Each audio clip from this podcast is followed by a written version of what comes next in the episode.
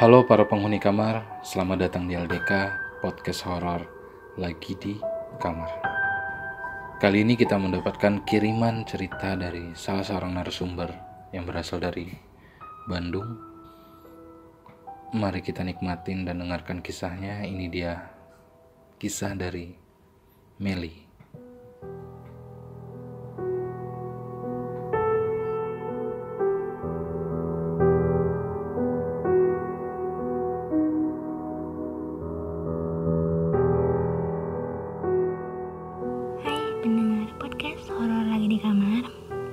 Aku Rai Melinda. Panggil aja, sebut aja Meli. Aku dari Bandung Kabupaten Bandung. Aku tuh mau sharing Berbagi pengalaman gitulah sama kalian Tentang pengalaman aku yang pernah kemasukan di sekolah. Hal biasa sih Sering banget kan kayak gitu mah. Cuman buat aku karena ini penga- per- pengalaman pertama kalinya terus dengan faktor utama yang berbeda jadi ini istimewa. Aneh nah waktu itu tuh kejadian ini bulan Oktober. Itu kesurupan uang kesurupan kemasukannya gara-gara aku sering banget nahan marah. Dalam bahasa Sunda istilahnya adalah ambek kapegung marah yang ditahan. Dan aku tuh marah nahan marah itu nahan emosi gitu nggak pernah diluapin itu dari mulai Januari. Januari aku tuh nahan marah gitu. Kayak sok-sokan ikhlas sok-sokan apa sih sok-sokan sabar. Padahal enggak. Itu tuh nahan marah sebenarnya gitu. Ambiar banget malah nah puncaknya itu Oktober aku lupa itu hari apa. Pokoknya selama seminggu itu tuh aku moodnya jelek banget. Sedih gitu sedih terus. Udah gitu hmm, kayak makin gampang gitu marah-marahnya kesinggung kesinggung apalagi gitu gampang. Aku emang anaknya jutek juga sih.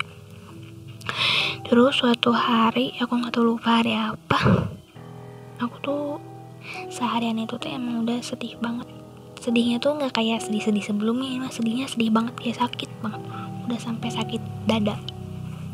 Nah itu tuh habis istirahat gitu kalau nggak salah ya lupa. Aku nangis. Aku nangis sampai awal, awalnya nangis biasa. Awalnya nangis biasa terus jadi sesegukan gitu kayak hmm, gitu sampai gitu gitu teman aku teman sebangku aku namangin aku kan udah udah tenang. Karena aku emang cerita sama teman aku. Udah udah tenang nggak apa-apa udah ya. Udah udah gitu kan ya. Terus di situ malah makin menjadi cuy. Aku makin aku nangis makin nangis dan pakai teriak pakai ngejerit. Dan itu membuat cowok-cowok di kelas saya semakin berisik gitu kan. Mungkin sosok yang masuk ke aku tuh nggak suka berisik dan sampai sekarang aku nggak suka berisik Eh, makin berisik tuh kan teman-teman aku. Nah udah gitu tuh aku tuh makin makin teriak malah. Akhirnya beberapa orang manggil guru aku. Eh, terus bawa air air anget gitu kalau nggak salah lupa deh. Air anget sama ibunya dibaca-baca baca doa gitu. Terus dikasihin ke aku tapi aku nolak gitu kayak geleng-geleng gitu karena emang hari itu tuh aku tuh jawabnya cuman geleng-geleng sama ngangguk gitu kan. Nah pas udah dikasih minum eh pas aku dikasih minum aku juga kayak gitu. Geleng-geleng aja terus terus sama ibunya tangan aku dipegangin gitu. Aku disuruh lihat mata ibunya tapi ya ogah gitu nggak tahu. Aneh juga aku juga setengah sadar kan. Pas udah itu ibunya mengeluarkan jurus bukan jurus deh apa sih namanya jadi airnya dikucurin ke tangannya terus diusapin ke muka aku. Di situ barulah rada rada inget gitu. Rada sadar. Udah itu ibunya bilang yuk ngobrol sama aku yuk kata ibunya gitu. Biar nggak gini terus pindah tempat katanya gitu. Di sini udah nggak aman gitu sambil lihat ke belakang kelas. Padahal eh ke belakang ya ke bangku belakang. Padahal di bangku belakang nggak ada orang. Ih creepy gitu kan. Terus dari situ aku masih sesebukan masih nangis gitu. Aku dibawalah ke ruang guru gitu ke ruang ibunya maksudnya. Ke ruang karena ibunya tuh kesiswaan jadi dibawa ke ruang kesiswaan. Cerita lah sama ibunya. Banyak ya satu dan lain hal kayak gitu sakit hati banget emang. Terus kata ibunya ya udah jangan diulangi bla bla. Oke. Akhirnya sudahlah hari itu selesai. Saya kembali tersenyum.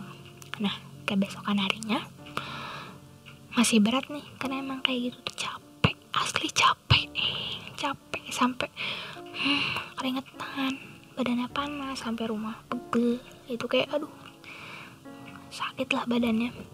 Terus kebesokannya masih capek nih masih ngap juga.